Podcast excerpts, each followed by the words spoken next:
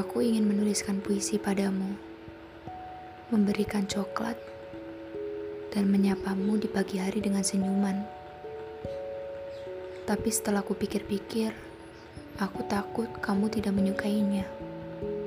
Jadi yang bisa kulakukan hanya begini saja. Diam dan memandangimu dari jauh. Sampai suatu ketika aku melihatmu berjalan dengan cewek lain. Aku tak percaya ini. Aku langsung bangkit dan melangkah bersembunyi. Kuperhatikan dengan benar. Kamu memang bersama cewek lain dan kalian tampak bahagia. Tergores luka kecil di hati.